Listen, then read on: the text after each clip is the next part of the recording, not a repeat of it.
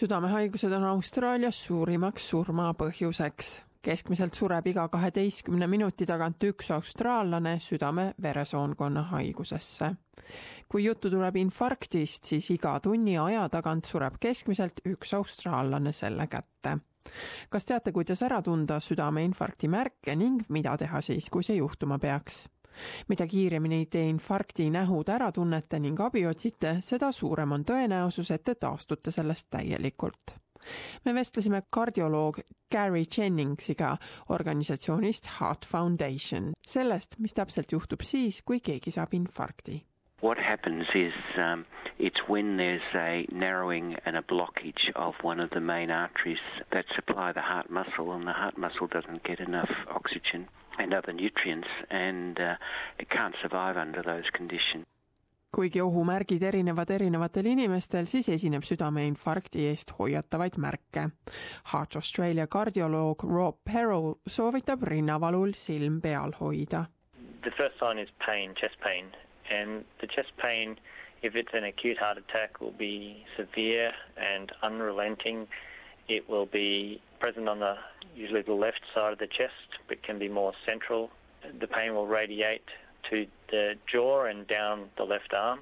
And, uh, and so that's one type of chest pain. There's another type, it's called angina, where a person gets a more chronic version of the same pain. And it's also due to coronary artery disease, but not an acute heart attack. And that can be pain that is worse when you walk and better when you rest, and it's in the same place. teiste sümptomite seas on lämbumise tunne kurgus, tunne nagu teie käsivarred oleks rasked, raskused hingamisel, iiveldus, külm higi ning peapööritus.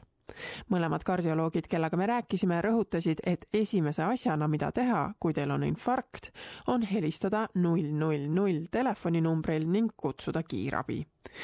lisaks sellele on paar asja, mida saab olukorra parandamiseks teha The only thing you can really do about it is get to hospital as quick as you can or call an ambulance. Um, you should take an aspirin at the time. That would help. The ambulance officers would give you aspirin when they turn up.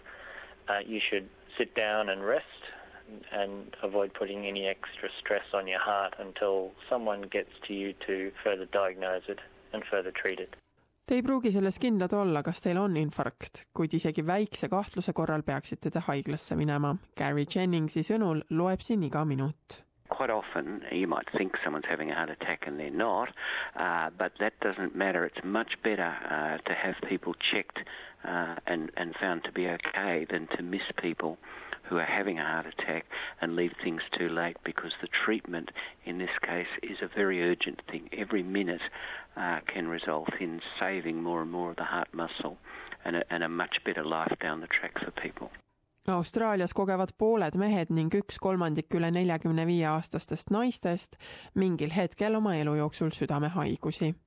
Need on suured arvud, kuid hea uudis on, et infarkt on üldiselt ärahoitav. doktor Rob Perrelli sõnul on võtmetähtis tervislikku elustiili hoida. If you're in an increased risk of a heart attack, if you're a smoker, if you're overweight, if you don't do any exercise, if you have high cholesterol, if you have high blood pressure, and if you have diabetes. Also, if you have a strong family history of coronary artery disease. So, the answer to how do I avoid a heart attack is don't smoke, maintain a normal body weight, exercise, eat healthy food, avoid excess cholesterol in the diet. If you have high blood pressure, that needs to be treated. If you have diabetes, that needs to be very well managed. Kolmekümnendal aprillil alanud südametervise nädalal tahab Heart Foundation ehk Austraalia Südame Sihtasutus inimestele terve südame olulisust meelde tuletada. Gary Jennings selgitab, miks nad innustavad inimesi oma vererõhku kontrollima. And this year, Heart Week's going to focus on high blood pressure uh, because we know that at least a half the people in Australia who've got high blood pressure either don't know about it or don't have it brought down with um, brought down to uh, to healthy levels, and we know that that's something that would make a big difference to um, to heart disease in the community. kardioloogil on veel üks viimane nõuanne, mis võib teie elu päästa. see on tõuske oma toolilt püsti ning liigutage ennast. We've learnt about the hazards of um, of sitting too much, of, of being sedentary. It's not just lack of physical activity, and uh, more and more our life revolves around sitting in front of a computer, sitting at work, sitting in a in a bus or a car going to work. And uh, one of the perils of modern life is that um, uh, we sit too much, and, and that's something that plays through to heart disease and other conditions. Südameataki tekkimise võimalus on tervisliku eluviisi puhul palju väiksem. kuid kui see teie läheduses kellelgi tekib, siis pidage ohumärgid meeles ning tegutsege kiiresti. südame sihtasutuse kohta ning südametervise nädala kohta saab rohkem infot kodulehelt www.heartfoundation.org.au